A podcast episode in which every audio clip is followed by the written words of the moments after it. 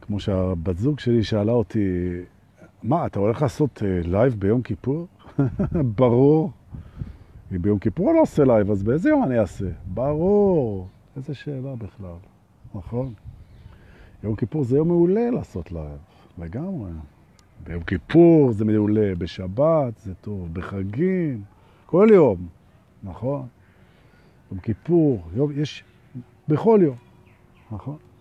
הדברים האלה שאנחנו מדברים עליהם, הם קשורים למהות. יום כיפור גם הוא קשור למהות. אז מה קורה? איך מתקדם הצום והסגר combined together, נכון? האמת שלא מרגישים כל כך את הסגר ביום כיפור, נכון? במילא אתה לא נוסע עם האוטו לשום מקום, כאילו, ובמילא החנויות סגורות, כאילו אפשר לבוא ולהגיד שאם אנחנו חיים בהווה, אז בעצם אין סגר, נכון? אין סגר, יום כיפור זה סגר טבעי, זה הכל בסדר. מחר כבר אין יום כיפור, אז אפשר לחזור ולראות מה עושים מול הסגר הזה, כן? האידיוטי, לדעתי. נכון. לפני שאני מתחיל, אני רק רוצה להגיד, אתם יודעים, זה... הרעיון הזה של לסגור את האנשים, להגביל אותם, המילה מגבלה, המגבלה, וכן, כן, מגבילים כדי לשמור על האנשים, לעצור את המגפה, בסדר. אתה יכול להאמין לזה, אתה יכול לא להאמין לזה, לא, אני לא נכנס לזה, אני גם לא מבין בזה. אבל אני חושב שמה שקורה שכשאתה עוסק בהגבלה, ועל זה, בזה אני רוצה להתחיל, על, ה, על ההגבלות, על ההגבלות שאנחנו מגבילים את עצמנו, תכף ניסע לבית ההגבלות, ניכנס לשם. אז אני אומר, היום אנחנו יום כיפור, ואני רוצה להגיד שלום לעדי רוזנר ולנירית סגי ולכל מי שהצטרף אלינו, ולהגיד תודה על כל מה ששלחתם על אתמול, איזה כיף, היה מאוד מרגש. וכל אלה שהצליחו לעלות בבית הסליחות ולעמוד על הגג ולפגוש את הקשת היקומית, אלוהית, גבוהה, וחוו את זה, וכתבו לי, אז מדהים. מדהים, איזה כיף. זה אפשר לעשות עוד פעם ועוד פעם, וזה הסליחה מוליכה לשם. תעשו את העלייה בתוך הבית הזה שוב פעם ושוב פעם. וזה קורה, זה קורה. בכלל ההתעוררות היא דבר רפטטיבי. זה חוזר שוב ושוב ושוב, כי ברגע שאנחנו מורידים את המודעות, סליחה, ברגע שאנחנו מורידים את המודעות, אז אנחנו נרדמים במרכאות שוב פעם. אל תוך המחשבות, אל תוך ההזדהות עם הגוף, אל תוך ההזדהות עם הזמן, אל תוך ההשוואות, אל תוך המעמדות, אל תוך האגו. זה בסדר. זה מסע כזה, פנימה והחוצה, פנימה והחוצה, זה מהבהב. זה מהבהב. אז uh, לגמרי אפשר להריץ את כל מסלול הסליחה שוב פעם ושוב פעם ושוב פעם, ואל תסתפקו בלעשות תהליכי התעוררות פעם אחת, בום, טרח וגמרנו. אל תסתפקו בזה. זה חבל, כי כל רצף, ויש אין סוף, שמשתלשלים אלינו מה, מהשמיים, כל רצף כזה שבא מהכתר, כן? רגע, נזיז אתכם לצל, כל רצף כזה שהוא בעצם המהות שלו זה להעיר אותנו, אז הוא מסוגל לעשות את זה כל פעם שאנחנו מריצים אותו. ולכן אני מזכיר לפני שאנחנו עולים על הכרכרה ומתחילים שוטט בממלכה שלכם, אני מזכיר שתהליכי התעוררות הם מבורכים, ואפשר לעשות אותם שוב ושוב ושוב ושוב. ולא צריך להרגיש אה, מעוכבים או לא מספיק טובים כשאתה חוזר לדברים בסיסיים, כמו סליחה, שזה הדברים הכי חשובים, הבסיסיים. ההווה, אוקיי? את מערכי ההזדהות, אוקיי? שזה האלף בית, כאילו. והאלף בית הוא הכי חשוב. נכון, זה היסודות.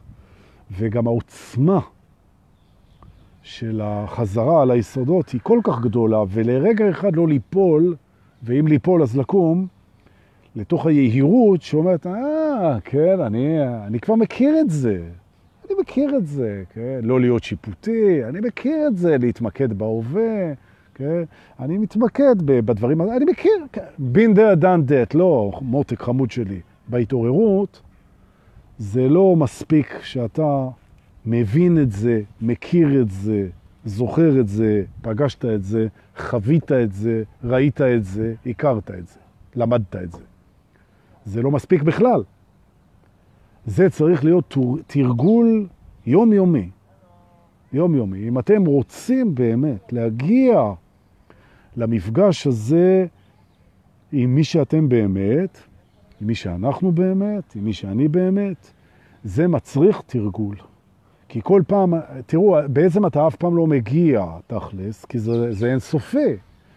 אבל אה, בוא נגיד ככה, אתה נכנס לתוך הטרי... סליחה, כשאני הורג, אתה נכנס לתוך הטריטוריה הזאת, ואתה מעמיק בה. נכון? וזה מדהים, זה כמו היקום, זה כמו החלל, אתה יוצא מהאטמוספירה בהשאלה, כן? כדי לצאת מהאטמוספירה, חללית, או אם תרצו, טיל, שהוא צריך להתגבר על כוח המשיכה והכל, הוא משקיע המון אנרגיה בשביל לצאת מה, מהאטמוספירה, ואחרי זה הוא שט בחלל, זה כבר סיפור אחר לגמרי. עכשיו, כל פעם שאנחנו רוצים לצאת מהאטמוספירה, שהיא בעצם ממלכת האגו, הפחדים, התשוקות, ההזדהות, אוקיי? בואו נחפש צל, זה שולחן דינמי. רגע, או שכרגיל נעבור לשולחן השני, גם אפשר. בואו נראה. דווקא אני אוהב את הדינמיות הזאת, תרקדו איתי. הנה 100 אנשים בלייב, איזה כיף. אז אה, אני אומר, תזכירו לעצמכם שלא משנה כמה התרוממות רוח וכמה אור וכמה ברקים, רעמים וניצוצות חוויתם, אפשר הרבה יותר מזה. עוד ועוד ועוד, לעומק עוד ועוד. אז זה שני שלבים. אחד זה התנתקות בעצם זמנית בחוויה, מהקרקוע אל המחשבות וההזדהות, תזכורת ברצפים של מי אנחנו באמת, שזה לא משתנה, כן? ואנחנו מכניסים את המוקדים של הקשב שלנו וההתבוננות שלנו אל תוך הדיסציפלינה הזאת, לתוך התפיסה הזאת של, של אמת, זה מנתק אותנו זמנית מעריצות המחשבות, הפחדים, הזמן, התשוקות, הלחצים, ההשוואות, המעמדות, ה... ואנחנו חווים התעלות, וההתעלות היא נהדרת, ומשם נפתח עולם אינסופי. וכל פעם שאנחנו מתרגלים עוד ועוד ועוד ועוד, אנחנו יכולים לנסוע בזה יותר עמוק ויותר למעלה, ולא רק זה, אלא היכולת שלנו לספק לאנשים שנמצאים סביבנו השראה ולצרף גם אותם וגם להצטרף אליהם בתוך המסע הזה, בתוך החללית הזאת, שנוסעת אל האור כל הזמן, נוסעת, חוזרת, נוסעת, חוזרת, וככה היא נוסעת, כן? בדיוק כמו כדור הארץ שמקיף את השמש, מקיף, מקיף, מקיף, אבל כל הדבר הזה נוסע. אוקיי? ואז אם תצלמו אותו כל שנה, את כדור הארץ, תשל, תצלמו אותו בתוך הגלקסיות, תצלמו אותו כל שנה, תראו שכל שנה, כשהוא חוזר, הוא נמצא במקום אחר לגמרי, נכון? וזה בדיוק הסיפור בהתעוררות, שכל פעם שאנחנו חוזרים מהאור אל, אל הקרקע, ואל המחשבות, ואל העבודה, ואל הצריך לאכול ולהתפרנס, ולגדל ילדים, ולחתל, והדברים שהם כאילו גשמיים, אנחנו קצת אחרים כל פעם. ויש שלב שבו אנחנו מגלים שיש המון רוח בחומר, נכון, בכסף וב, ובאדמה ובבשר ובאוכל, יש בזה, זה, שזה מורכב גם מרוח, שחומר הוא מורכב מחומר, שהוא מורכב מרוח, ויתמכו בזה גם המדענים והפיזיקאים ויגידו לכם שבעצם, וזו אחת מהתגליות הכי מהממות של המדע, שבכלל אין דבר כזה חומר. שחומר בעצם זו דחיסות של אנרגיה, שאין דבר כזה חומר. כי חומר, אם אתה נכנס לתוך המרכיבים שלו, אתה מגלה שבסופו של דבר אתה מגיע לכלום. נכון. מה שתומך מאוד במה שאנחנו אומרים פה כל הזמן, שזה לא אמיתי. נכון. איך זה יכול להיות אמיתי אם זה מורכב מכלום? תשאל כל מדען. הרי האטום בתוכו, אם אתה מפרק אותו, ואתה ממשיך לפרק וממשיך לפרק, אתה מגיע לשום דבר. נכון? אז הכל מורכב מכלום, נכון? אז בואו, אז... אוקיי. אז זה מה שניסו לחפש גם ב... שם במאיץ החלקיקים הגדול הזה בשוויץ שעשו שם, שניסו לבודד את החלקיק האלוהי, את הדבר שבעצם, נכון, אבל אתה, זה, זה קצת קשה לבודד את זה, נכון? זה, זה קצת קשה לבודד את זה. ממה אתה מבודד את זה? זה מרכיב את הכל. גם ההבנה שלך מורכבת מזה. מה אתה מבודד את זה? כל אמצעי לבידוד מורכב מהדבר הזה, אוקיי? זה כמו הניסיון להשתחרר מהאגו. מה זה אתה ניסיון להשתחרר? זה רק האגו רוצה להשתחרר מהאגו. אז אם הוא הצליח, הוא עדיין האגו. ציטט דור את אלן וואטס, שציטט את הלמות, כן? שציטטו את מה ש... אוקיי. זה מסע קסום. זה המסע הכי קסום, נכון? זה מדהים, זה מדהים, זה מסע מדהים. ואם זה כזה מסע מדהים, אז בואו נלך עכשיו, נעלה על הכרכרה שלנו, ברוכים הבאים, 106 אנשים פה, אתם משתתפים אחרי זה, משתפים. ואפילו, שימו לב, רונית ירום, שפעם היה לה שם אחר, אבל כבר שכחנו אותו, אפילו רונית ירום הצטרפה אלינו. מה העניינים? חג שמח ומיכל דנינו פה, וגם הזבובים פה, ו-70 מעלות חום פה, ממש. אז uh, בואו נתחיל. ואני אזיז קצת את המצלמה לפי הצל, טוב? שבו נא על הכרכרה ונצא לנו לכיוון בית ה... בואו נבחר לנו איזה בית. בית התפוצות? לא. בית הכאב? לא היום. בית העונג? פעם אחרת. בית האשמה? לא מתאים. נכון. בואו נלך לבית הצמיחה. אני רוצה שנלך לבית הצמיחה. א', מגיע לנו, כי צמחנו מאוד, ויהיה לנו נעים בבית הצמיחה, כן? בתור אנשים שצומחים, באמת, אז יהיה לנו מעניין בבית, אנחנו מוזמנים למסיבה בבית הצמיחה, אז בואו נלך לשם. והנה נירית סגי אומרת לי, בדקת אוויר בגלגלים של הכרכרה? ברור.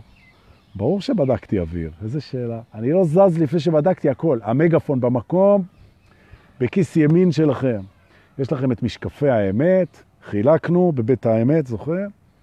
בכיס שמאל יש לכם את העיניים הטובות, חילקנו בבית העיניים, זוכרים? ואם לא, אז לחזור, לחזור על ה... בכלל, אני מציע, הנה עוד פעם הסתבכתי, מציע או מציע? מציע.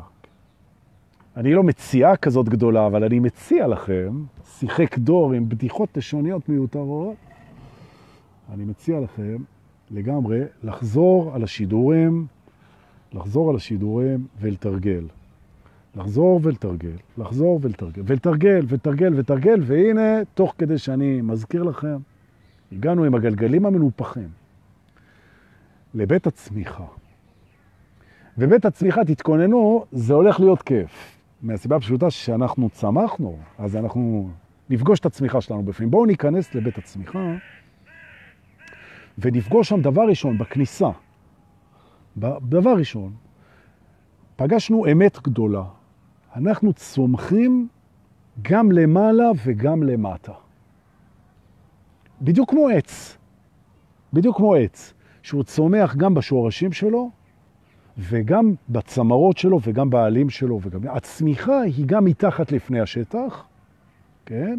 בשורשים שצומחים, מתחזקים, מתאבים ומביאים עוד ועוד אנרגיה לצמיחה של מה שקורה גם בפנים וגם בחוץ. והבחוץ, אותו דבר, מביא עוד ועוד אפשרות לקלוט שמש, והאנרגיה מבחוץ והאנרגיה מלמטה, מבפנים, מחזקות את זה. זאת אומרת בעצם שהדבר הראשון שאנחנו נזכרים בו היום, פה ביחד, יום כיפור, זה שתהליך הצמיחה שלנו הוא תהליך סינרגטי, מסונכרן, שבו השורשים צומחים ומצמיחים, והצמרות, העלים, העלווה, העלווה, העלים והענפים וכל מה שקורה בחוץ, הגזע, הוא גם גדל וגם הוא מביא עוד אנרגיה, וזה אנרגיות שונות, אור מבחוץ ומים מלמטה, אוקיי? ובעצם, ומינרלים מהאדמה, ואותו דבר, האדם הוא עץ השדה. אנחנו בעצם צומחים גם פנימה וגם בחוץ. זה מאוד חשוב, מאוד חשוב, שאנחנו נזכור את זה, שהצמיחה שלנו היא צמיחה סינרגטית, בפנים, בתוך השורשים הפנימיים שלנו, וגם בחוץ. מערכות יחסים, הישגים, פעולות, אוקיי? מעשים, השפעה. ויש קשר מאוד חזק בין הצמיחה הפנימית שלנו לבין יכולת ההשפעה שלנו בחוץ.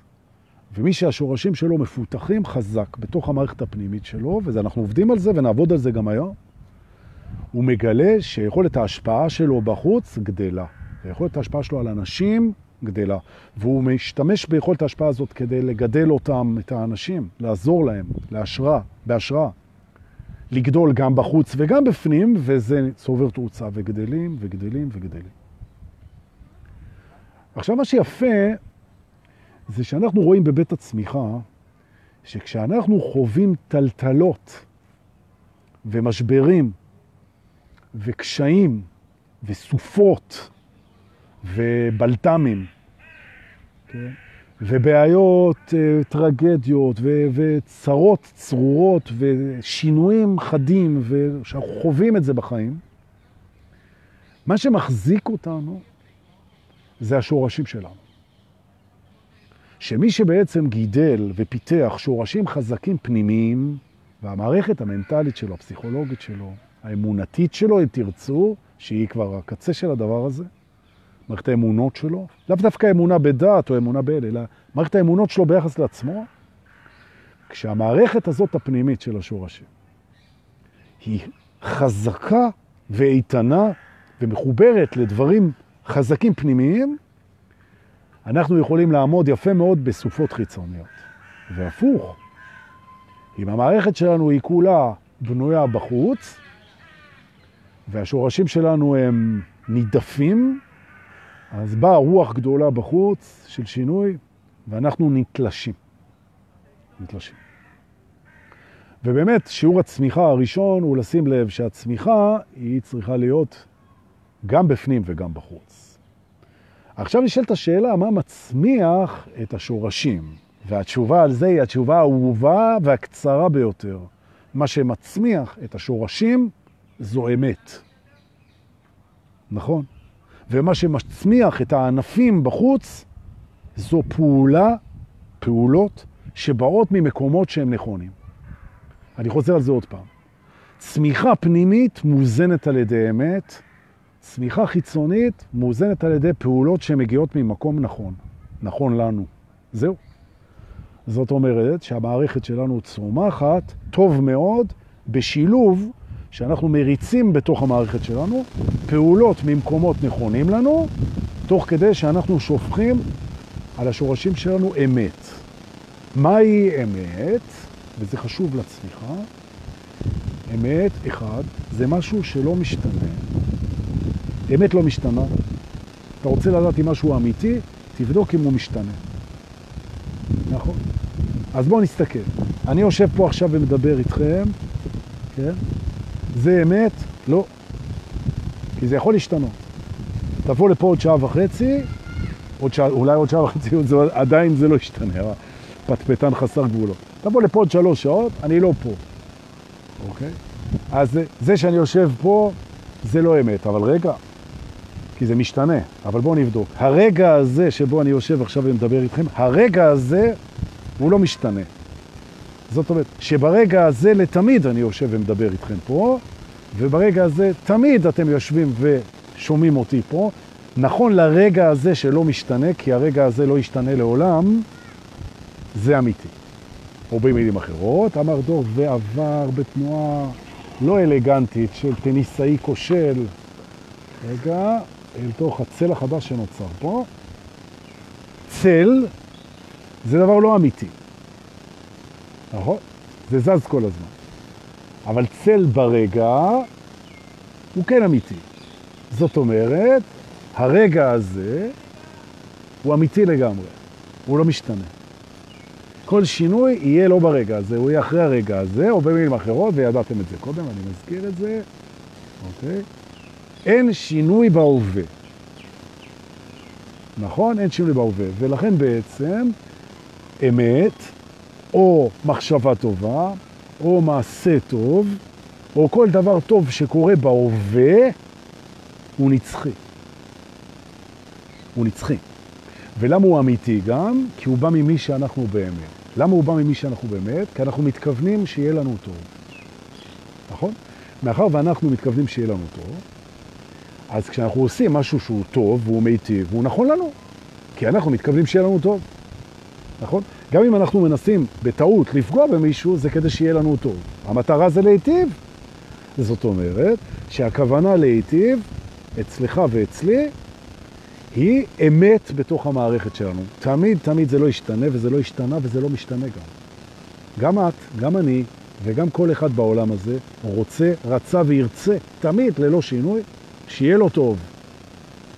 ולכן פעולה מיטיבה היא פעולה נכונה במעמד הזה, וזה לא משתנה. עכשיו, השורש שלנו, ואני עכשיו אפריד שורשים, השורש הפנימי שלנו, שנטוע בתוך הרגע הזה, אני מבקש שנשים אליו לב. יש לנו שורשים שנטועים בעבר, יש לנו שורשים שנטועים באמת, יש לנו שורשים שנטועים במחשבות, יש לנו שורשים שנטועים אצל אנשים, יש לנו כל מיני שורשים. יש לנו שורש שנטוע ברגע הזה, או במילים אחרות, הוא נמצא רק ברגע הזה, וזה וואחד שורש. כן? ולכן נשאלת השאלה, כשאתה בעצם חווה פתאום טלטלה, או פחד, או רוח, או משבר, או שינוי, או אסון, תתקע את המודעות שלך על השורש של הרגע הזה. מה קורה ברגע הזה? ואתה יכול לגלות שהרבה מאוד פעמים אסונות שקורים לך, כן, הם לא קשורים לרגע הזה, ואתה תוכל לנשום. נכון. שהרבה מאוד אסונות שקורים לך הם קשורים למה שיהיה. אובדן במה שיהיה, מה שאתה תרגיש, מה שאתה תחווה. כן? תסתכלו על הקורונה. אם אני חושב על הקורונה, זה הורס את העסק, זה דופק את התוכניות, זה מאיים על זה, זה לוקח אנשים, זה הורס את העולם, זה רגע. ומה קורה ברגע הזה? ואתה מגלה שברגע הזה אין דבר כזה קורונה, וגם אין דבר כזה מוות, וגם אין דבר כזה פחד, וגם אין דבר כזה מעמדות, וגם אין דבר כזה כסף. עכשיו, בשנייה הזאת, ברגע הזה, נכון? מה יש ברגע הזה? מה יש ברגע הזה שאליו מחובר השורש של הרגע הזה? יש כוונה טובה. שיהיה לי טוב. זהו זה. עכשיו, עם השורש הזה אתה מטפח אותו במודעות, כי מה שמטפח שורשים זה מודעות. נכון. אתה מתייחס לשורש הזה, אתה חושב עליו, אתה נזכר בו, אתה הוגה בו, אתה פועל ממנו, נכון? למשל, אין לך כעס ברגע הזה. כעס הוא תמיד מהעבר. גם אין לך תיקון ברגע הזה.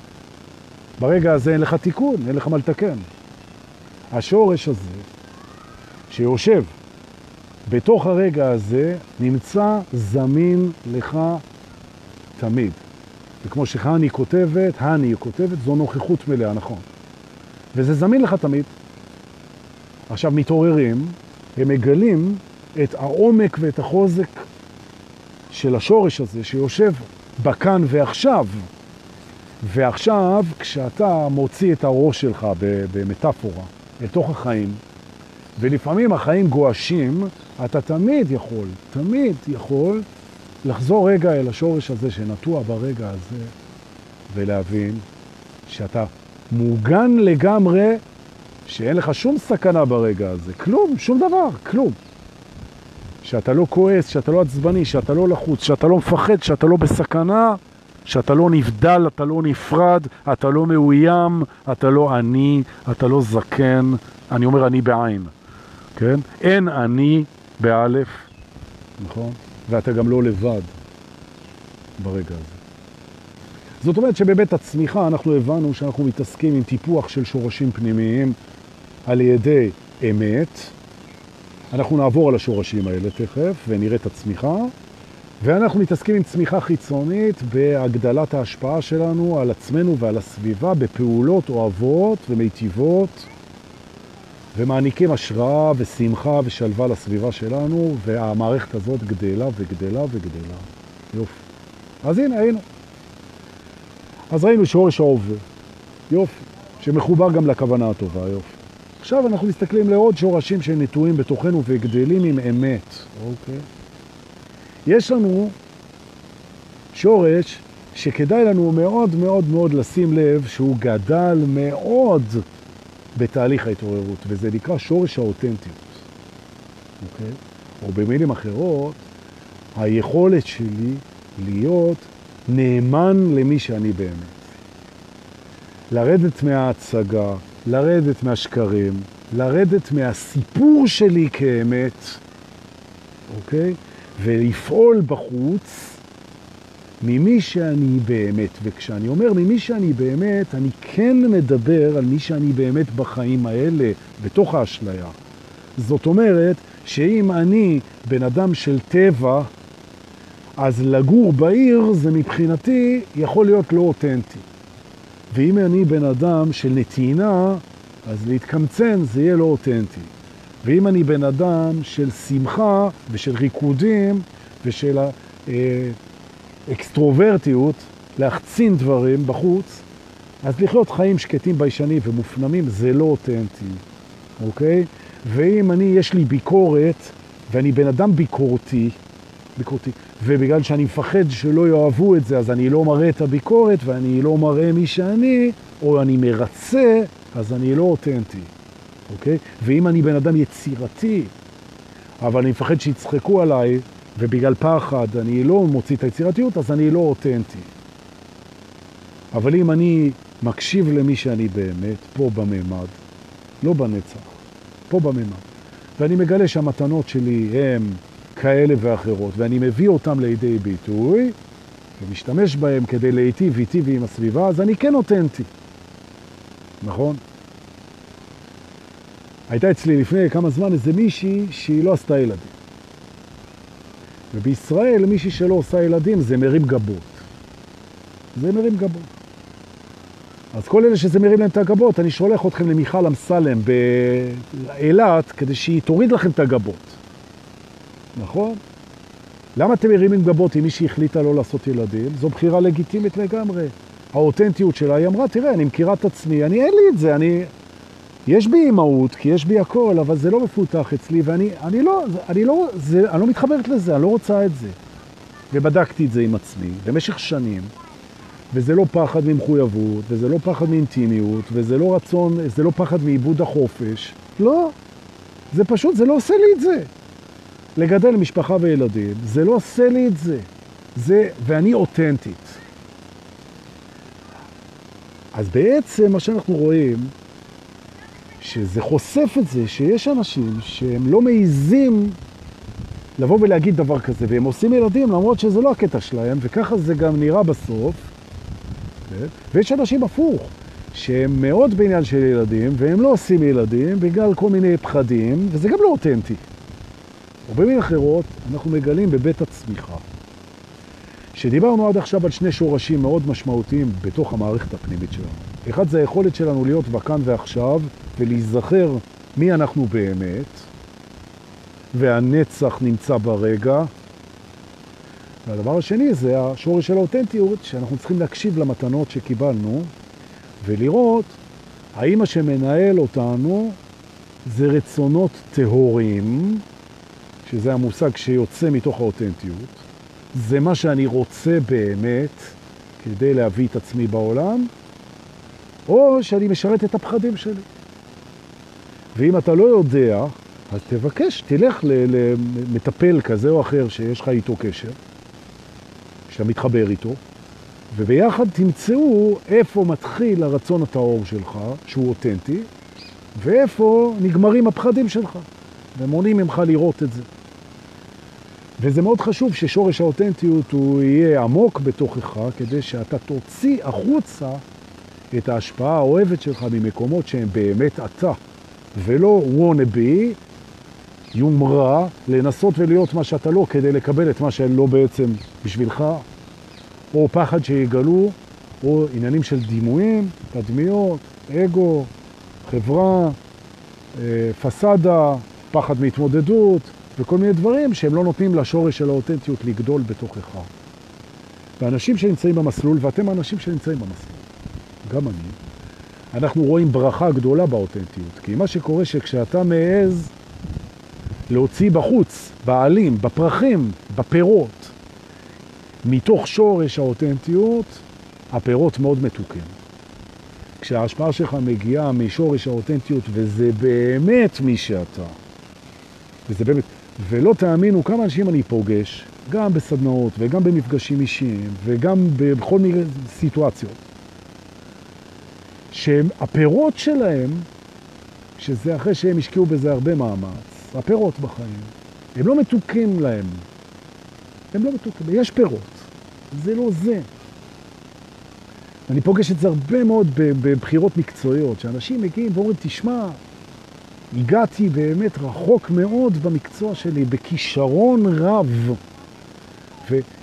וראיתי ברכה כלכלית וברכה חברתית מבחינת מעמד, וזה לא זה, זה לא מספיק לי. אגב, אני הייתי אחד כזה, שאני הצלחתי מאוד בפרסום, ובאמת ראיתי פירות, גם בכסף וגם באגו, וגם במעמד, וגם ביצירתיות. ו... וזה לא בא מהמקום האותנטי שלי, זה בא מהכישרונות שלי, וזה בא מהמתנות שלי, אבל זה לא בא מהמקום האותנטי, כי המקום האותנטי אומר שתיקח את המתנות והיתרונות שקיבלת, ובעצם תייצר פירות שבעצם הם לוקחים את האנשים האחרים למקומות הרבה יותר טובים. זאת אומרת שמי שנהנה בעיקר מהפירות שלך זה לא רק אתה, זה, זה הסביבה שלך, וזה לא היה מספיק מדויק. זה היה לא רע, ולכן היו פירות. וזה היה די טוב, ולכן הם גם היו מתוקים. נכון? וזה לא היה פסול, וזה היה בסדר. אבל זה לא היה אותנטי עד הסוף. זה מה שאני עושה איתכם פה עכשיו. זה אותנטי. זה פירות שהם מגיעים באמת מהמקום הכי עמוק של מי שאני, שאני מורה בעצם. מורה. נכון. ולכן כשאני עושה את זה, את מה שאני עושה עכשיו, אז, אז זה זה, כאילו, זה קורה. אותנטיות, נכון. עכשיו באים אנשים ואומרים, מה, באותנטיות שלי, אני אומן, או צריך להגיד אמן, לא יודע, אומן. זה... נכון, ואומן ב... לא תמיד מסתכר כסף, ומה אני אעשה? אני... היה לי באמת איזה אחד איש מבריק שהוא מדהים, וזה שהוא היה דוגמה ההפוכה, דוגמה הפוכה, לפני כמה שבועות הוא בא אליי, הוא אומן מדהים שעושה מהאומנות שלו כסף מטורף. הגיע אליי איש מדהים, מדהים. הוא מוכשר ברמות מטורפות. הוא יודע לעשות דברים, פסלים סביבתיים, משלמים לו על זה מלא כסף, קנה מזה דירה. אבל מבחינתו זה לא אותנטי. זה לא מה שהוא רוצה לעשות, נכון? או במילים אחרות, שורש האותנטיות הוא קשור לדיוק. או... ועכשיו זה נהיה יפה. למה? כי כדי לדייק את עצמנו אנחנו צריכים לעשות מסע, וזה מוביל אותנו, דרך שורש האותנטיות, זה מוביל אותנו בבית הצמיחה אל המסע. לא? תנשמו. כדי שנוכל לדעת להיות ברגע, וכדי שנוכל להיות אותנטיים, אנחנו צריכים לצאת למסע. אין ברירה. נכון. עכשיו, מי שכבר אוהב מסעות, הוא אומר, יש, מסע, נהדר. אבל אנשים בתחילת הדרך, הם לא תמיד ששים לצאת למסע, כי מסע מפחיד את האגו, כי מסע זה לעזוב את המוכר. זה מפחיד את האגו. אבל תדעו לכם, לא יהיה דיוק ולא תהיה אותנטיות, ולא יהיה הרגע הזה אם לא נצא למסע. החיים זה מסע שהוא מסע חיצוני, ולכן אי אפשר להאחז לאורך זמן בשום דבר, כי זה ייקח אותך, וזה מסע פנימי. אתה לא יכול להאחז בשום דבר פנימי גם, זה ייקח אותך. וכמו שיש שורשים פנימיים, וכמו שיש עלים בחוץ, כן? אז אותו דבר, יש מסע חיצוני ויש מסע פנימי. ועכשיו אנחנו מגיעים לצומת ממש מרהיב בבית הצמיחה, ואני שמח שבאתם. הנקודה שבה אנחנו מסנכרנים את המסע הפנימי עם המסע החיצון. ואם תשימו לב, אז יש הרבה נקודות כאלה, וכל פעם שיש נקודה כזאת, שבה בעצם אני מארגן את החיים שלי בהתאם למסע הפנימי, כן? ולא מארגן את המסע הפנימי שלי בהתאם לחיים שלי, כי זה אי אפשר לעשות, כי החיים משתקפים מבפנים החוצה. אז ביום שאנחנו למדנו את זה, ומי שנמצא במסלול ההתעוררות זמן לא ארוך יודע, אתה לא יכול לסדר את החיים שלך מבחוץ פנימה. זה לא עובד. איך גילינו את זה? במסע. עכשיו, זה שאתה אומר את זה לבן אדם, בא אליך ילד בן 22, אתה אומר לו, לא משנה שיש היום ילדים בני 22 שהם מאסטרים, שאפשר ללמוד מהם חבל על הזמן. אבל אם בא אליך ילד בן 22, אתה אומר לו, תקשיב, יצאת מהצבא, יופי, אתה קצין בגבעתי על הכיפק, אתה נוסע למזרח, נסיעה נעימה. אני רק רוצה לתת לך עצה. אל תנסה לסדר את הפנימיות דרך החיצוניות. הוא אומר, אהה, הבנתי, הוא לא יפנים את זה בלי שהוא יעבור מסע, ובמסע הוא יראה וישתכנע שאי אפשר לסדר את השורשים הפנימיים באמצעות הבחוץ, וכן אפשר לסדר את העלים והפרחים ואת העלווה שיש בחוץ באמצעות עבודה פנימית. שזה כן עובד מבפנים החוצה, וזה לא עובד מבחוץ פנימה. אבל באמצעות מסע חיצוני מגלים את התובנה הזאת. זאת אומרת, אני מסכם, המסע בחוץ מגלה את זה שאי אפשר לטפל בבפנים באמצעות בחוץ, ואת זה גילינו בחוץ. תבואו ותגידו סתירה? לא ממש. ואז אתה אומר, וואי, אז הכי טוב זה לסנכרן. בעצם אני מתבונן במערכות הפנימיות שלי, בזיכרון שלי, ברצונות שלי, בפחדים שלי, במסע שלי בפנים, ואני מתבונן איך הוא משתקף בחוץ. וכשאני לובש לרגע, תלבשו יחד איתי, את משקפי האמת, פה פה בבית הצמיחה, ומסתכל על הנקודה, אחת מיני רבות, צומת, שמחברת את המסע החיצוני שלי בחיים עם המסע הפנימי שלי, אני רואה דבר מדהים, הנה אנחנו בנקודה כזאת עכשיו. רואים? תסתכלו. ממש עכשיו אנחנו מחוברים.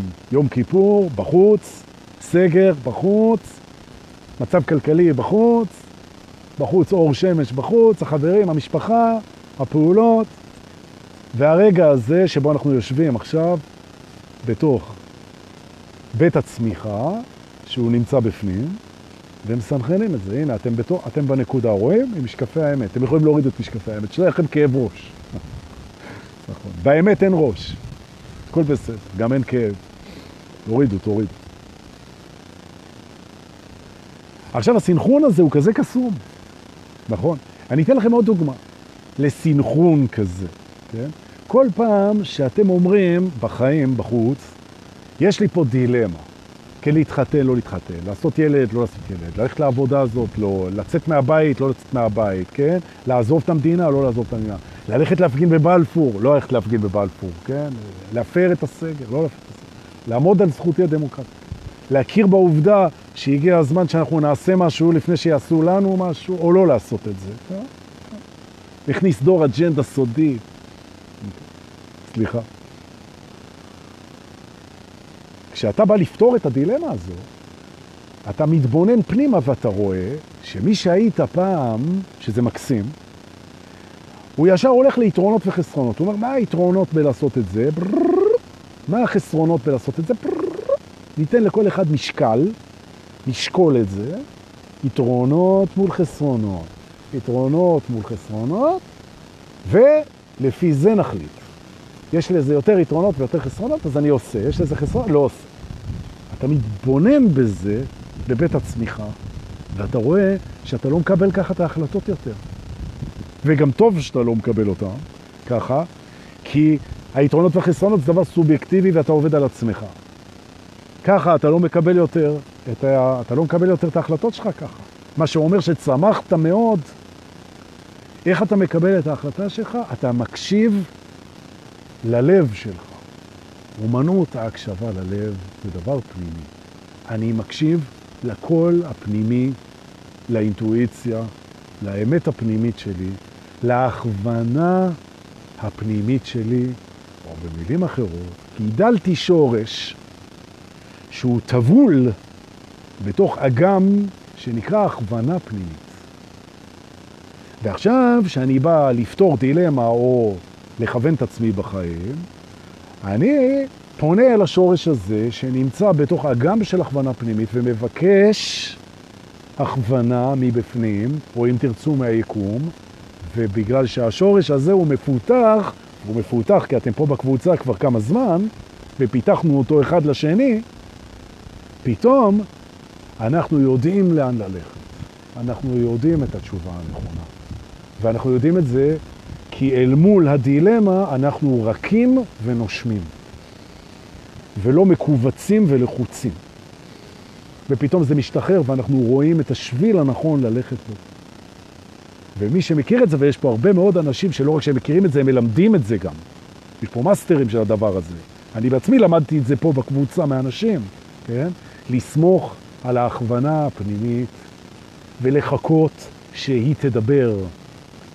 ולהשתיק את ה... כדאי לי, לא כדאי לי, מה יהיה, מה אני אעשה, מה זה, מה חושב, להשתיק את שורש ההקשבה להכוונה הפנימית. שורש מדהים, נכון? שורש מדהים. איזה יופי.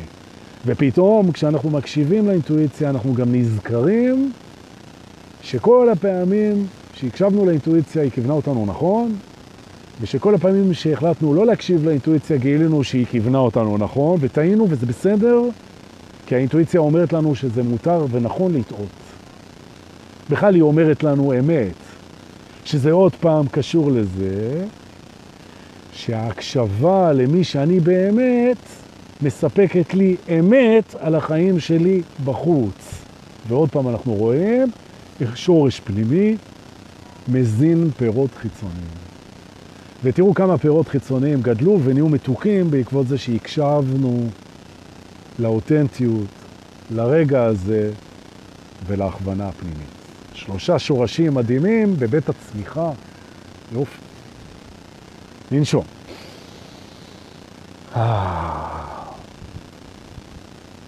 יש עוד שורש פנימי שכדאי לנו להתייחס אליו. נכון. הנה, אמרתי, הרפאיה, הופיע מאסטר ההרפאיה, אמביר אברצ'י, נכון? שהסלוגן של החיים שלו, של החיים שלו כמורה, זה בהרפאיה לעבר היעד. נכון, באמת למדתי את זה ממך, תודה רבה, אמיר אמברצ'י. פעם שנייה שאני משווק אותך בשידור, לא לשכוח את ה-25%, אתה זוכר? אני... בבקשה. שורש נוסף שאני רוצה שנשים אליו לב, okay? אוקיי?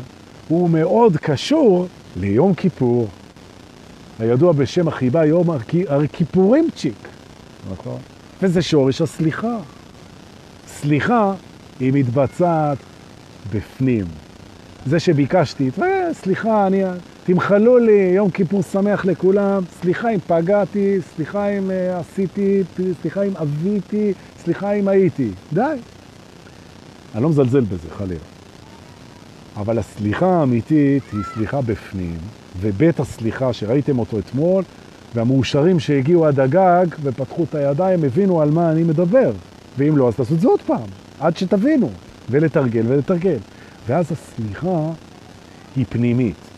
ואתה יודע, את יודעת, מה שקורה לנו, כשאנחנו מפריחים את הפרחים שלנו בחוץ ואת הפירות שלנו ואת העלים שלנו בחוץ לטובתנו ולטובת ההשתקפויות שלנו, שזה כל היקום, משתקף לנו מבפנים.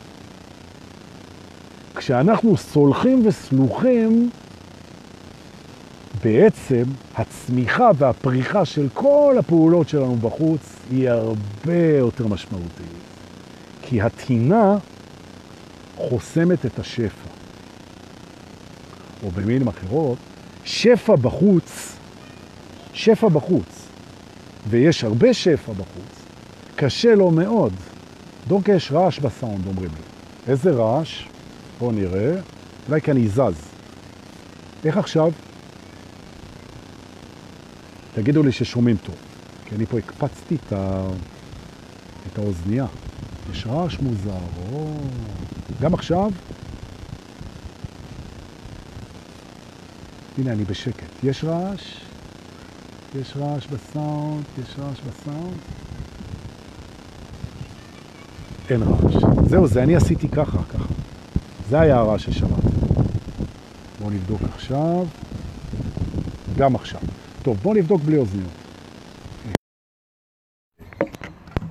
אז עכשיו, עכשיו לא יהיה רעש, נכון? אני השארתי את האוזניות, אבל הוצאתי את האוזניות מהזה. אני אוהב את האוזניות, אני אוהב את זה. איך עכשיו? איך עכשיו? איך עכשיו? מה, באמת? עדיין רעש? זה מוזר. אז זה לא האוזניות.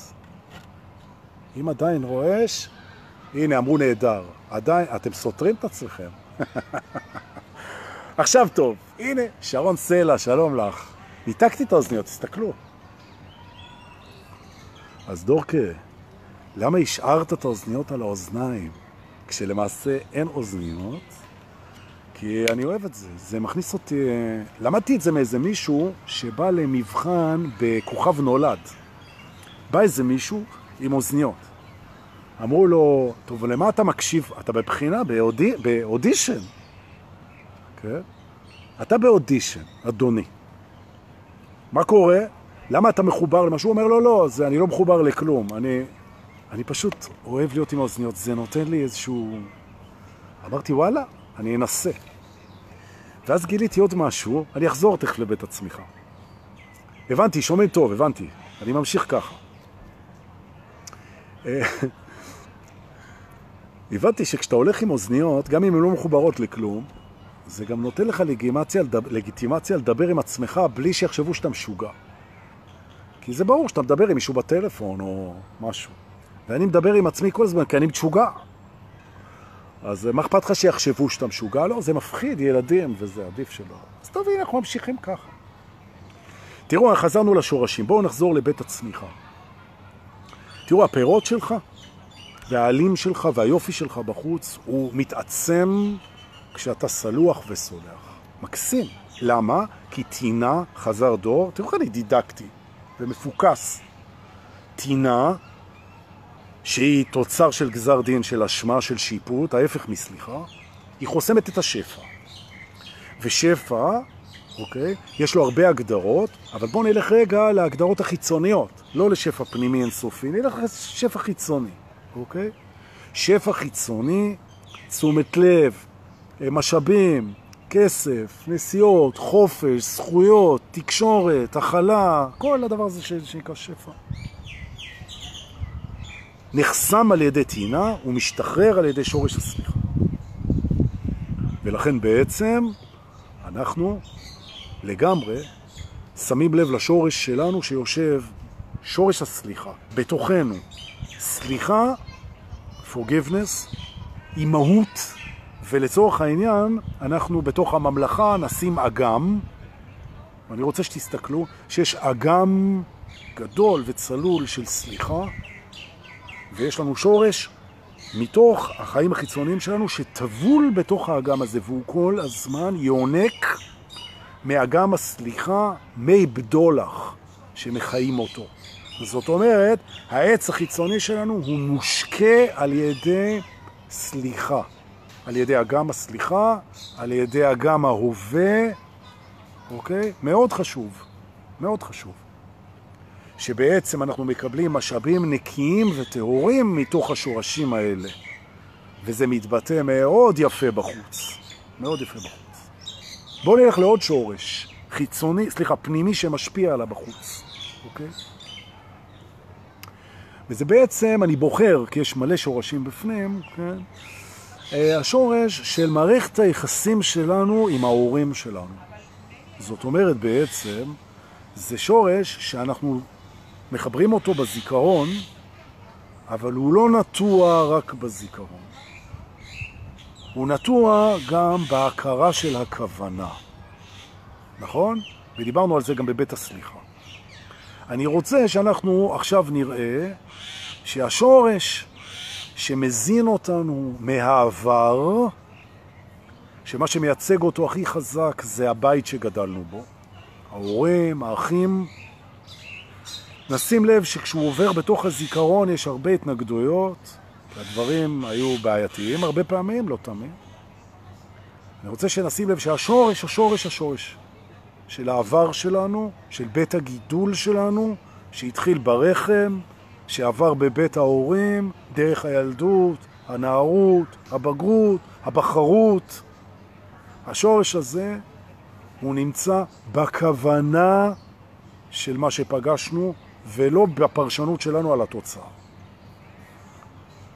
בכוונה של ההורים לאהוב את הילד שלהם, בכוונה של החברה לגדל את מי שגדל אצלה, בכוונה של הסביבה להיטיב איתך, בכוונה, זאת אומרת מה שנשאב, מה שנמצץ, מה שעולה, מה שמפעפע, אוקיי?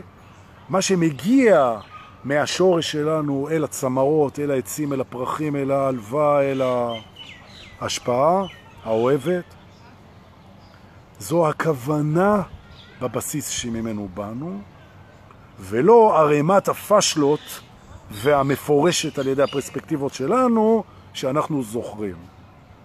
או במילים אחרות, אנחנו מפעילים בתוך בית הצמיחה, אנחנו מפעילים את אחת מהמתנות הגדולות ביותר שהיקום הזה נתן לנו פה בסיבוב הזה. והמתנה הזאת נקראת הספק. ספק, כמו כל דבר דואלי במודעות שלנו, ספק זה גם כללה. אני בספק אם היא אוהבת אותי, אני בספק אם אני ראוי, אני בספק אם יהיה טוב, אני בספק, אני בספק. ספק זה דבר שהוא גם יש לו צד שאנחנו מייחסים לו שליליות, וכמו כל דבר שמייחסים לו שליליות, הוא גם מתנה ענקית. בואו ניקח את המתנה הזאת. אנחנו נשתמש בבית הצמיחה בספק, ונטיל היום ספק. בזה שמה שהיה, מה שהיה, הוא לא היה לטובתנו, תמיד. אני אומר, מה שהיה הוא היה לטובתנו, תמיד. אני אומר, אני מטיל בזה ספק. לא, אל תטיל בזה ספק. תטיל ספק בספק, זאת אומרת, קח את הספק. ותשים אותו כל פעם שהשורש שלך מתחיל למצוץ לך מים עכורים של באתי מבית דפוק, לא אהבו אותי, לא רצו אותי, לא הקשיבו לי, לא הבינו אותי, דיכאו אותי, לא הסכימו לקבל אותי, לא העריכו אותי, הגבילו אותי, שנאו אותי, לא רצו אותי, לא הייתי ראוי. בוא נטיל בזה ספק. נכון, ככה לפעמים חווית את זה. זה נכון. בזה אנחנו לא מטילים ספק. זאת אומרת בעצם, בזיכרון יש לנו זיכרונות לא נעימים מהילדות. נכון מאוד. בזה אנחנו לא מטילים ספק. יש לנו זיכרונות לא נעימים, נכון. אבל זאת לא הייתה הכוונה.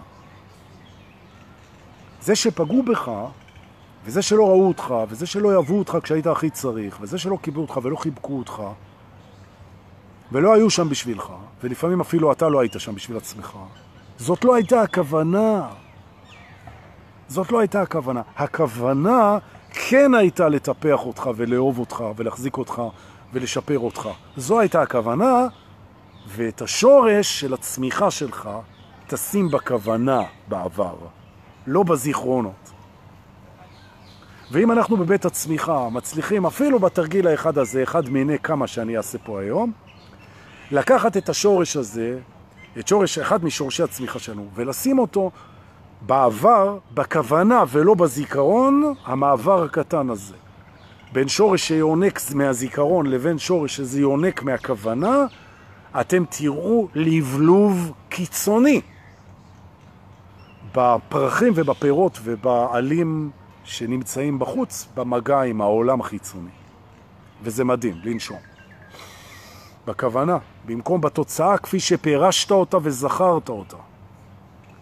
כי התוצאה היא לא התוצאה שאתה זוכר, גם המשחק עוד לא נגמר. כשאתה בא לנתח תוצאות, תדע, התוצאה זה לא התוצאה, זה איך שאתה בחרת לפרש אותה כרגע.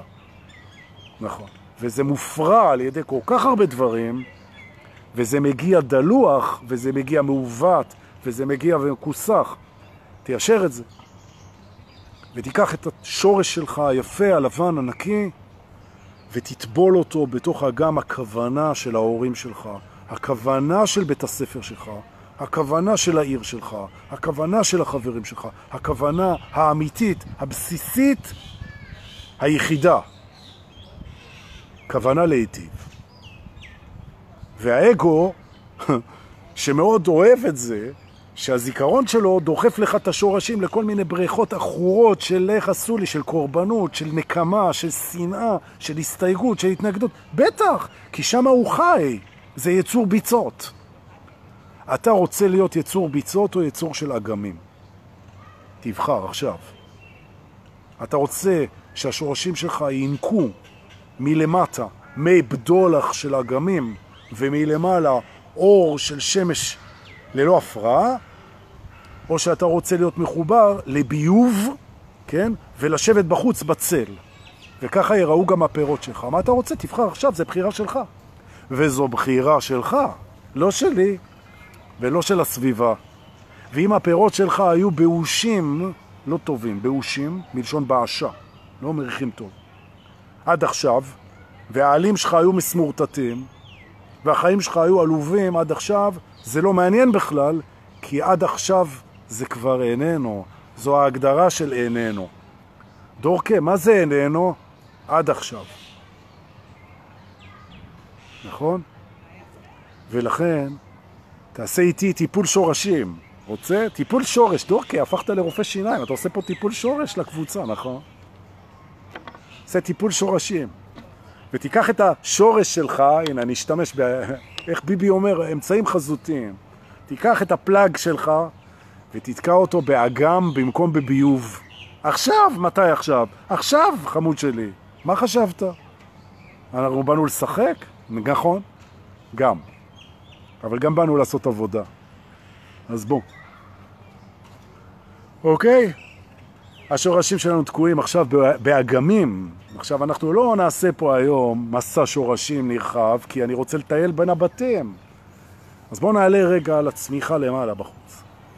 עכשיו שדיברנו על ארבעה שורשים פנימיים בבית הצמיחה, בואו נעלה רגע קצת החוצה, לתפרחות, לפירות, לעלים, ונסתכל קצת על הצמיחה בחוץ.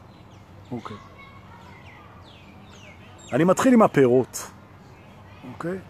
פירות הם נועדו להבשיל, ובאלגוריה שלנו, במטאפורה שלנו, בסיפור הזה, אנחנו בצמיחה. אז אני רוצה שתסתכלו רגע על הצמיחה של הפירות שלכם. מהו פרי? פרי, פרי של העץ שהוא אתה, באלגוריה, זה משהו שמישהו אחר יכול ליהנות ממנו. וגם אתה, כי אין בעצם מישהו אחר, זה הכל השתקפויות שלך. אבל אני רוצה לשים דגש על מישהו אחר, אוקיי? אנחנו מגדלים פירות גם בשבילנו וגם בשביל אנשים אחרים. אם אתה תהנה לבד מהפירות שלך, זה לא ילך. זה לא ילך. זה לא נכון למי שאתה. למה? כי בפנים בפנים אתה מחובר להכל, וככל שאתה תסנכרן את זה בחוץ, אתה תראה יותר ברכה בעמלך. ואמרנו, נקודות הקסם נקודות הסינכון בין הצמיחה הפנימית לצמיחה, למצ... יופי, בין הצמיחה הפנימית לצמיחה החיצונית, בין המסע הפנימי לבין המצע, המצע. טוב, אני, זה רק אומר, זה שאני מתברבר עם השפה, זה אומר שאני מגיע למשהו נורא חזק. אז bear with me, תהיו דובים איתי לרגע, כן? סינכון המסע הפנימי עם המסע החיצוני, סינכון המתנות הפנימיות עם המתנות החיצוניות, ובחוץ, מי שיאכל את המתנות החיצוניות שלך, זה ההשתקפויות של מי שנמצא בפנים. ולכן הפירות הם עבור אחרים, גם ובעיקר, והם יהיו גדולים ומתוקים ונהדרים ומקסימים בגלל השורשים שנטועים במקומות הנכונים. אמרו לי להפסיק לדבר על אוכל, אז אני ילד דווקא, ותכף נדבר על הפירות האלה. אוי, איזה פרי מדהים, זה... טוב, נו. ועכשיו אנחנו מבינים אמת גדולה. ככל שניתן את הפירות האלה יותר, יגדלו יותר פירות.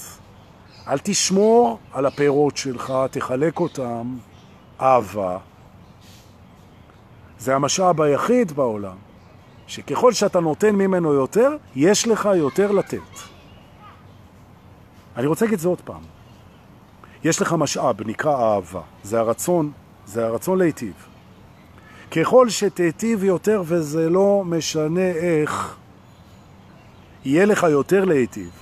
ממש. זה, זה, זה מדהים הנס הזה, זה נס פח השמן על כל החיים שלך. ככל שתיתן יותר, יהיה לך יותר. תיתן, תיתן, תיתן, פירות אהבה, ותגדל אותם מהשורשים, מתוך האגמים של האמת הפנימית שלך. יופי. פירות לוקח להם לפעמים זמן להבשיל. כל אחד מגדל פירות אחרים. אתה, ואני מגיע עכשיו לצמיחה חיצונית. אל להם, עכשיו אני נשמע כמו הרבן גמליאל, אל להם, אל אוי ואבוי להם, שישבו את הפירות לפירות אחרים. נכון, הפירות שלך הם מיוחדים והם מיועדים לאנשים מיוחדים. ואתה אל תשווה לי. איך זה שהפירות של האחרים כבר על העץ והפירות שלי עדיין לא הבשילו, או הפוך, איך זה שאני מרכיב פה על העץ והאחרים הם רק מתחילים? לא, אל תשווה. הדברים מסונכרנים. הפירות שלך מיוחדים, והם מיועדים למגעים מיוחדים, לזמנים מיוחדים, ואל תשווה. לא את הטעם, לא את הצורה, לא את הגודל, ולא את קצב ההבשלה והצמיחה. ותהיה סבלן, וזה מוביל אותנו עכשיו, הפריחה וההבשלה מובילות אותנו לשורש פנימי שהוא נטוע בזמן. תחזרו איתי רגע פנימה. כי דיברנו על פירות והבשלה ופריחה. הדברים בחיים קורים בקצב שמדויק לנו, והיינו בבית הזמן, ואני מזכיר את זה עוד פעם. אוקיי? דיברנו על מעגלי ון, איך זה חוזר בכמה מקומות, זה, זה המקום. שורש הזמן, התזמון, מה קורה, כמה מהר קורה, כמה לאט קורה, איך זה קורה, מתי זה יקרה? זה יקרה בזמן המדויק. תוריד את הלחץ מהזמן, ותוריד את ההשוואה מהזמן, ותן לזמן זמן. והדברים יקרו מדויק, ותשחרר את זה, ותפסיק להלחיץ את עצמך, ומה שלא צריך לקרות לא יקרה, ומה שצריך לקרות יקרה, וזו פרספקטיבה, וזה לא הסרת אחריות. ההפך, זו קבלת אחריות. זו קבלת אחריות, זה לא הסרת אחריות. אל תלחיץ את עצמך. אל תלחיץ את עצמך. ולא את הפירות שלך, ולא את העלים שלך, ולא את ההשפעה שלך, ולא את השורשים שלך. אל תלחיץ את עצמך. אני רוצה את זה עוד פעם. יום כיפור, 20 ו... 7, 8, 28 בספטמבר. נכון, אתמול היום ראשון. ה-28 בספטמבר זה היום שבו אני מזכיר לך, זה יום גדול, שאם תרצה תוכל עכשיו לנשום איתי, תנשום איתי.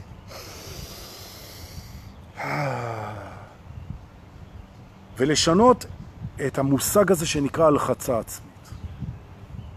אל תלחיץ את עצמך יותר. בכלל. בכלל. זה קשור להתניות, זה קשור להישגים, זה קשור לממלכת האגו. תפסיק להעניש את עצמך, תפסיק להלחיץ את עצמך, תפסיק לנזוף בעצמך, תפסיק לשפוט את עצמך, ותתחיל לקבל את עצמך, לחבק את עצמך, לאהוב את עצמך, לתמוך בעצמך, לגדל את עצמך, ולתת את הפירות שלך בלי לחץ. נכון. וכנ"ל כשאתה מסתכל בחוץ על הפירות של האחרים. אם אתה נמצא עם בת זוג ואיזשהו פרי לא הבשיל, זה יכול להיות אפילו הריון, זה יכול להיות תובנה, זה יכול להיות הישג, זה יכול להיות כל דבר במערכת היחסים שלכם. אם זה עוד לא הבשיל, אל תלחיץ. אם היא עוד לא הפנימה את מה שאתה מבקש ממנה, אם היא עוד לא הצליחה, אם היא עוד לא, תהיה סבלן, תיתן לה להבשיל. תיתן לאנשים להבשיל, ותיתן לעצמך להבשיל, ותיתן לפנימיות להבשיל, ותיתן לחיצוניות להבשיל, ותרד מהלחץ, אוקיי? וזה מוביל לבית התניות העושר, אבל כל כך הרבה דיברתי על זה, אז אני לא הולך לשם עכשיו. עושר זה האישור שלך כראוי לאהבתך עכשיו. ולא האם קיבלתי את מה שאני רוצה, שזו הגדרת העושר של האגו. ואתה, יקירי, עכשיו פה בנקודת הזיכרון איתי, אתה כרגע לא האגו שלך. נכון. ואתה כרגע נצחי, ואתה כרגע באת לאהוב, ואתה כרגע מחובר להכל, ואתה כרגע מצמיח את השורשים שלך גם בפנים וגם בחוץ, ואתה כרגע מקבל ממני תודה שאני מעורב איתך קצת בתהליך. ובזכות האנרגיה המטורפת של הקבוצה הזאת, שהיא כולה מלאה שמנים ומטפלים ומורים, אם תבחר לעשות את השינוי הזה, ולא להלחיץ את עצמך יותר, זה יצליח לך היום, ביום הכיפורים הזה, אתה תצליח לעשות את השינוי, בזכותנו פה. נושמים, ולא מלחיצים את עצמנו יותר. כיף! זה יופי, יאללה. נכון? עכשיו אמרתי פירות, וכל אלה שצמים, אז הם מתחילים, מה עם אננס, מה עם פירות ים, מה עם פיצה, עם גבינת גונגונזולה. אוקיי. בית הצמיחה. יפה. עוד אלמנט חזק שאנחנו פוגשים בבית הצמיחה, זה אלמנט ההצמחה. נכון. אחת מהשיטות שלנו לצמוח זה להצמיח. אם אתה עוזר לאנשים אחרים לצמוח, לא, זה היה איפה בחיות הכפיים, כאילו האגו שלי אמר, הנה דורקה, אתה עוזר לאנשים אחרים לצמוח, נכון? אתה צומח. למה? כי יש חוק קוסמי שאומר שמה שאתה נותן אתה מקבל. אז אם אתה נותן צמיחה, תכף נסביר מה זה, אז אתה מקבל צמיחה. אז יש דרך מהירה לצמוח. תצמיח אנשים. עכשיו, מה מצמיח אנשים? הדבר הכי חשוב בלהצמיח אנשים זה לאהוב אותם כמו שהם. נכון. רק כשאתה מקבל אותם כמו שהם, הם באמת מסוגלים להתחיל לצמוח, כי אחרת, אם אתה מתנה את אהבתך בשינוי, אז הם מתמקדים בזה שהם לא מקבלים לך אהבה ובשינוי ולא בצמיחה. ויש הבדל מאוד גדול בין צמיחה לבין שינוי, נכון? כל צמיחה היא שינוי, אבל לא כל שינוי הוא צמיחה. וזו הכרה חשובה בבית הצמיחה, אוקיי? יופי. עכשיו אני רוצה להגיד משהו, בזוגיות זה קריטי, כן? אתם תקבלו את הבן זוג שלכם באהבה גם אם הוא לא משתנה, נכון? המקום הזה שבו אנחנו פועלים בהתניית האהבה, שזה דפוס מסוכן מאוד, מסוכן מאוד למי שאנחנו. או במילים אחרות, עד שאתה לא תשתנה, לא תקבל את אהבתי במלואה, זה נורא שאנחנו עושים את זה עם אנשים אחרים, זה מזעזע שעשו את זה איתנו, זה טראומטי שעשו לנו את זה כילדים, זה זוועה שאנחנו עושים את זה בתוך הזוגיות, וזה ישתנה עכשיו כשאנחנו עושים את זה בפנים.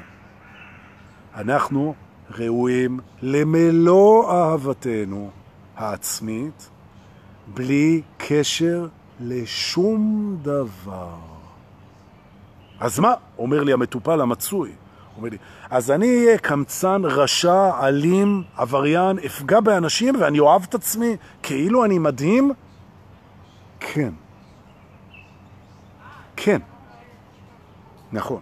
אתה את השינוי לטובה תוציא אחרי שקיבלת את עצמך כראוי לאהבה, ולא בתנאי. אבל אם אני אוהב את עצמי, אומר לי העבריין הזה, שהוא שיקוף של עצמי, אם אני אוהב את עצמי כשאני לא טוב, אז מה ידחוף אותי להשתנות? הרצון שלך להיות טוב ידחוף אותך להשתנות. והקבלה שלך את עצמך כראוי לאהבה תאפשר את זה. זה מה שאתה צריך להבין. ולכן הדפוס הזה, שהוא בבית הצמיחה, הוא דפוס משמעותי. אנחנו צומחים מהר כשאנחנו עוזרים לאחרים לצמוח, ואנחנו צומחים מהר כשאנחנו אוהבים את עצמנו בלי קשר לצמיחה. יש? אז דיברנו על שורשים, ודוברנו על נקודת הקסם בין המסע הפנימי למסע החיצוני שאנחנו נמצאים בה. ודיברנו על הפירות, ודיברנו על הקצב, ודיברנו על קבלה עצמית, ובשביל ביקור אחד של יום כיפור בתוך בית הצמיחה, אנחנו יכולים לרדת במדרגות של בית הצמיחה, היה לנו שם יופי של ביקור, באמת. ולחזור לכרכרה ולראות שאחד, צמחנו והשארנו את הסוסים בצל, ולא השארנו אותם בשמש כי מיהרנו פנימה, והסוסים אומרים תודה שזכרנו להשאיר אותם בצל, איזה יופי, וגם עם מים, הכל בסדר, והכרכרה מוכנה, ואנחנו נוסעים לנו עכשיו לבית נוסף. רוצים? בואו ננשום. ורגע נראה מה אתם כותבים גם לפני הבית הנוסף. בואו נראה ברשותכם, אני אתייחס קצת, אתה לא יכול, בואו נראה. כותבת, וואי, כמה כתבתם, אימא'לה. דבי אהרון, הנתינה מגדלת ומצמיחה אהבה ונתינה גדולה יותר. הללויה, נכון מאוד. הגזע הוא האהבה, נכון מאוד, מקסים. אה, מורן כותבת, או זה מורן מור, אה, כותבת, כן, פרי זה אהבת הבריאה לשכינה. הזיווג בין האורות וההתרחבות של אור הנשמה. וואי, משורר, משוררים יש לי פה, מקסים. רגע, ואם אתם כאלה משוררים, בואו נעבור לזה. בואו נראה. הלאה. שידור דינמי. שידור דינמי. יופי. בואו נראה, בואו נתקדם, בואו נתקדם, בואו נתקדם, בואו נתקדם. אפרת ברוך עם העניינים, חיים יוגב. שחיים יוגב, אגב, עושה, תדעו לכם, מפגשי תרגול כאלה של הקבוצה, וזו יוזמה מבורכת. בהתחלה היה לי קשה קצת להקל את זה, אבל uh, לאט לאט אנשים עושים מפגשי תרגול uh, ואוספים סביבם סנגה כזאת, קבוצה כזאת, ועושים מפגשי תרגול של התכנים האלה, שהם לא רק בקבוצה, וקבוצות כאלה של למידה ביחד, וזה מבורך ומקסים. ואני שמח, חיים, שהזמנת אותי, אם אני לא טועה, ב-18 לאוקטובר או משהו, ואני אשתדל לבוא גם. ואני בא כ... אני בא כאחד האדם, כן, אני לא בא להרצות וללמד. ההפך, אני בא ללמוד ולהקשיב, וזה כיף. ויש מה ללמוד, תמיד. דוד דנינו, כמה שאתה כותב פירות ונותן, העץ גדל יותר ומתחזק, נכון, תיתנו, הנתינה מאפשרת לנו לתת יותר, זה מחזק אותנו. צ'ק כותב אלוף, תודה. בוא נראה מה עוד יש לנו פה. אה, כותבת, מי זאת? ענבל היא כותבת. הכל קורה בזמן המתאים ולא שנייה לפני, נכון, וגם לא שנייה אחרי. כן, דור, תבוא כאורח, בשמחה הזמנת אותי ואני אשתדל לבוא. אה, קומפלימנטים לקבוצה, מנגו מאיה, אה, אין על מנגו, מת על מנגו, הללויה. מי שהיה באירוע שלנו ברמת הגולן, פעם קודמת, זוכר את הדובדבנים שעומר הביא, איזה, עומר או עומר, הביא שהוא מגדל שם את זה לא רחוק מרמת הגולן. הדובדבנים הכי טעימים שאכלתי בחיים שלי. סליחה לכל הצמים. טוב. אה, גם אני אגב בצום, לא אכלתי אה, כבר הרבה שעות. אבל שותה מים, בואו נראה. יוחאי אבן צור, מה העניינים? בואו נגיד... טוב, סך הכל אני רואה שאתם בעניינים. דורוש, איך אני מזמן לעצמי זוגיות מדהימה לחיים. הגעתי בהצלחה לגיל 39 ויש לי כבר שני חתולים. יוחאי שואל, איך אני מגיע לזוגיות? עכשיו, אתם יודעים מה, אני אקדיש לזה, אני אקדיש לזה בית שלם לעניין הזה של מציאת זוגיות. יוחאי, יש לך הבטחה ממני. אני אדבר על מציאת זוגיות. ולא רק זה, אלא אני מזכיר לך שבאירועים של הקבוצה שלנו, זה מקום מדהים למצוא זוגיות. מגיעות שם בחורות שאני, אם לא הייתי נשוי באושר, למרות שאני לא נשוי, אבל אני כן באושר. אז איזה בחורות, אמא. ממש. ממש. ואיזה מזל שאמרתי את זה, כי הבת זוג שלי פה. באושר, באושר. אבל, ו... אבל באמת, אז אתה שואל איך אתה מוצא, אתה בא לאירועי הקבוצה. ושם אתה תמצא בחורות שהן מדהימות אחת-אחת, וכן. חוץ מזה אני אעשה סיפור שלם על העניין הזה בבית מציאת, אתם יודעים, בית החיפוש. אבל לא נלך אליו עכשיו. אני לא רוצה ללכת לבית הזה, אני רוצה ללכת לבית אחר, אוקיי? ואני רוצה ללכת לבית היופי. רוצה ללכת לבית היופי. יופי? בואו נלך לבית היופי. עכשיו, בית היופי, הוא קל למצוא אותו בממלכה, כי כמו שרם חשבתם, הוא הבית הכי יפה בממלכה. הוא מהמם הבית הזה. אוקיי? הוא מהמם, מהמם. בואו נלך רגע לבית היופי, ואמר כבר מי שאמר, שקר החן והבל היופי. אז אנחנו מזמזמים את זה, ניכנס, הם לא אוהבים, הם לא אוהבים את השיר הזה בבית היופי, אוקיי? אני רוצה לדבר קצת על יופי.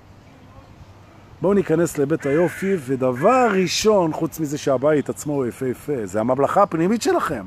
ברור שבית היופי, בממלכה הפנימית שלכם, הוא יפה יפה, נכון? אני רוצה שניכנס פנימה, ודבר ראשון נפגוש אמת גדולה. יופי זה דבר סובייקטיבי. סובייקטיבי, ולפיכך שקרי. שקר החן והבל היופי זה נכון. זו ב... זה באמת שקר, כי זה סובייקטיבי. שני אנשים רואים בחורה, אחד אומר היא מהממת, השני אומר היא מכוערת. והם שניהם טועים, היא לא מהממת והיא לא מכוערת, היא הכל. אבל מה לעשות שאנחנו במעמד שבו יש חוויה, יש יופי ויש כיעור סובייקטיבי, או במילים אחרות, אין דבר כזה יופי אובייקטיבי. ותאמינו או לא, אפילו אם אתם לוקחים מישהו שרוב האנשים יגידו שהוא מכוער, כן? או הפוך, מישהו שרוב האנשים יגידו שהוא יפה-יפה, יהיה מי שיגיד ההפך, והוא לא יגיד ההפך רק כי הוא אוהב להגיד ההפך, יש גם כאלה, וזה יפה בעיניי, אלא הוא יגיד ההפך כי בעיניו דובי גל הוא איש יפה. יש גם כאלה. וזה נורא חשוב להבין את הדבר הזה, מהסיבה הפשוטה שכמו שאת עומדת מול המראה ואת לא אוהבת את יופייך, ויש הרבה בחורות כאלה, שעומדת מול הרעה ואומרת, מה זה הירכיים האלה, מה זה הידיים האלה, מה זה הטוסיק הזה, מה זה, אני לא נראית, מה זה, אני... אוקיי. או אם אתה גבר, ואתה עומד מול הראי, ואתה אומר, מה זה המכוער, תראה איך אתה נראה. יהיה מי שיחשוב שאתה הכי יפה בעולם. יהיה מישהו כזה. נכון, אולי זה לא מישהו שאתה רוצה. זו הטרגדיה. שפתאום יגיע איזה מישהו ויגיד לך, דורקה, בעיניי אתה יותר יפה מברד פיט. אני אומר, איזה יופי, רק חבל שאת לא יפה בעיניי יותר מאנג'לינה ג'ולי. ואז היא חטפה שתי סתירות. גם היא באה לחזק אותי, ואני לא ראיתי את יופיה, וגם, אה, טוב. אבל למה זה חשוב? כי יופי, דבר ראשון, הוא חולף תמיד. כמו כל דבר סובייקטיבי, וכמו כל שקר. יופי הוא חולף. ואני לא באתי לזלזל ביופי. בכלל לא. ההפך. אני רק בא להזכיר לנו שיופי הוא סובייקטיבי והוא זמני וחולף. אבל, והנה הפגישה השנייה שלנו בבית היופי. יש יופי שלא חולף. אה, נכון? יש יופי שלא חולף. נכון. ויש יופי שהוא גם לא סובייקטיבי. וואו. נכון. נכון, באמת. אבל זה עניין של התעוררות. נכון. תראו, לב טוב הוא תמיד יפה. הוא תמיד יפה. מעשה טוב הוא תמיד יפה. מחשבה טובה היא תמיד יפה, וחיוך טוב הוא תמיד יפה. גם אם השיניים שלך רקובות שחבל על הזמן. וגם אם אתה, כשאתה מחייך, חושבים לרגע שעפנו בפלשבק לאפריקה, איפה שהם בלי שיניים בכלל, או לכל מקום אחר, הודו, שהם גמורים עם השיניים, כי אין להם כסף לתחזק דנטל, okay. אוקיי? ואתה רואה זקן בן 70, בלי שיניים, אתה מגיע לאיזה כפר בטיבט, והוא, מי שטייל ראה את זה, ואתה מגיע והוא נותן לך חיוך של ברוך הבא. נכון? אה, הנה, שלי, הבת זוג שלי, כותבת לי על אדם. אדם הבן שלי, הוא נפל, הוא בן שש, הוא נפל לפני איזה שנה או משהו, שנתיים, ושבר את השן הקדמית. אז אה, הוצאנו לה אותה, עקרו לו אותה, עד שתגדל, אז, ויש לו חיוך, כמו בסרט Dumb and Dumber, כן, עם אה, ג'ים קארי, כזה חיוך של אבל כאילו בגלל השן החסרה. אבל החיוך שלו זה הדבר הכי יפה בעולם. נכון? בכלל חיוך זה דבר יפה. ולכן, וזה לא משנה מצב השיניים שלך, נכון? ומילים טובות הן יפות, ומחשבות טובות הן יפות, ומעשים טובים הם יפים. נכון. וקבלה, והכלה, ושיתוף, ונתינה, וסבלנות, ואפשור, והתחלה, וסליחה, זה נורא יפה. וכל מה שאנחנו יכולים לעשות ורוצים לעשות, אני לא אומר צריכים, זה להוסיף בהגדרה של יופי ליופי סובייקטיבי זמני, הללויה, בר רפאלי, איזה יופי, נכון? אנג'לינה ג'ולי, איזה יופי. הסגרדה פמיליה בברצלונה, הכנסייה של גאודי, איזה יופי, זה זמני, היא לא תחזיק לנצח, אוקיי? יפה? מלכת היופי של ישראל, איזה יופי, מקסים. הללויה, ואנחנו נהנים מזה, וזה מתנה, והאיטלקים מעצבים דברים יפים, והם יכולים להיות ספורט יפות, וזה יופי, וזה יפה, ופריחת הדובדבן, זה יפה. וזה חולף, וזה סובייקטיבי, כי לא כל אחד רואה את זה, הוא מסכים עם זה.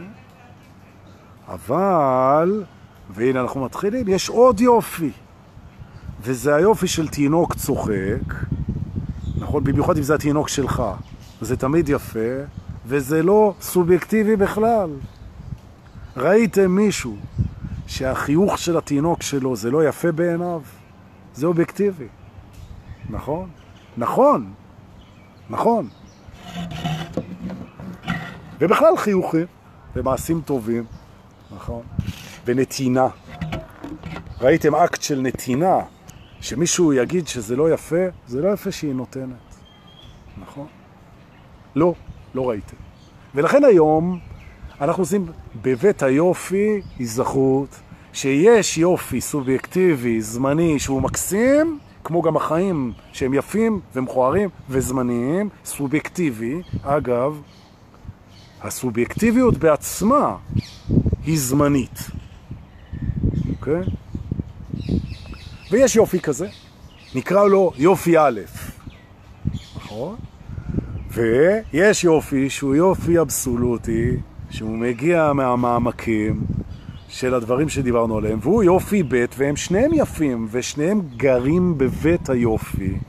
ועכשיו אני מביא אותנו אל המקום שמעניין, זה אל המבט הפנימי. אני רוצה שנסתכל על עצמנו ונראה שחלקנו בעיני הסובייקט יותר יפים או פחות יפים, תעמוד מול המראה, תסתכל על עצמך ותגיד, אני נותן לעצמי שבע, שש, שלוש, ארבע, אני הייתי יפה, אני אהיה יפה, עם רק הסנטר, עם העיניים, עם האוזניים, עם הבטן, עם הטוסיק. יופי, גמרת את section א', תודה רבה, מחיאות כפיים. ועכשיו אני רוצה שתסתכל עליך ב section ב' ותראה שמאחר ומי שאתה באמת זה כוונה טובה, בהווה אתה ממש יפה, את ממש יפה. ממש. שאנחנו יפים, יפים, יפים, נהדרים, מדהימים, כמו עצים. נכון? עכשיו יש עצים שאתה רואה אותם ואתה אומר, וואו, איזה עץ, ויש עצים דרדלה שאתה אומר, מה זה הדבר הזה? אבל אם אתה מסתכל במהות של עץ, מה שהוא עושה פה, אז כל העצים הם וואו, יפהפיים, נהדרים. נכון? יופי. בית היופי מזכיר לנו שיש יופי אמיתי ויש יופי רגעי חולף. ואנחנו גם זה וגם זה. נכון? יפה? יפה. אל תגידו. אה, איזה כיף להיות איתכם פה ביום כיפור. ועכשיו, זה המקום להגיד תודה שבאתם. 140 אנשים בלייב זה לא צחוק, ואלפים אחרי זה, אם אתם משתפים. ומביאים עוד ועוד אנשים ומשפיעים ומפנימים ומתרגלים ומעשירים אותנו ומלמדים אותנו וצומחים בפנים וצומחים בחוץ ומחבקים ונותנים פירות ולא מלחיצים את עצמנו ואחרים ושומרים על החופש ונותנים לשורשים שלנו להיות מאוזנים ממקומות נכונים ונקיים ואמיתיים, וגדלים ומתחזקים, ושמחים ושלווים ואוהבים, ומשתפים כמובן, שזו הבקשה הצנועה שלי. אנא שתפו. חג שמח. ולהתראות בים עוד מעט, ש... לגמרי. וידעו להם הרחפנים של המשטרה, שאם יש רחפן של משטרה היום בים, אני מוריד את הבגד ים וחושף את עכוזי, מילה של דורקה, לשתף.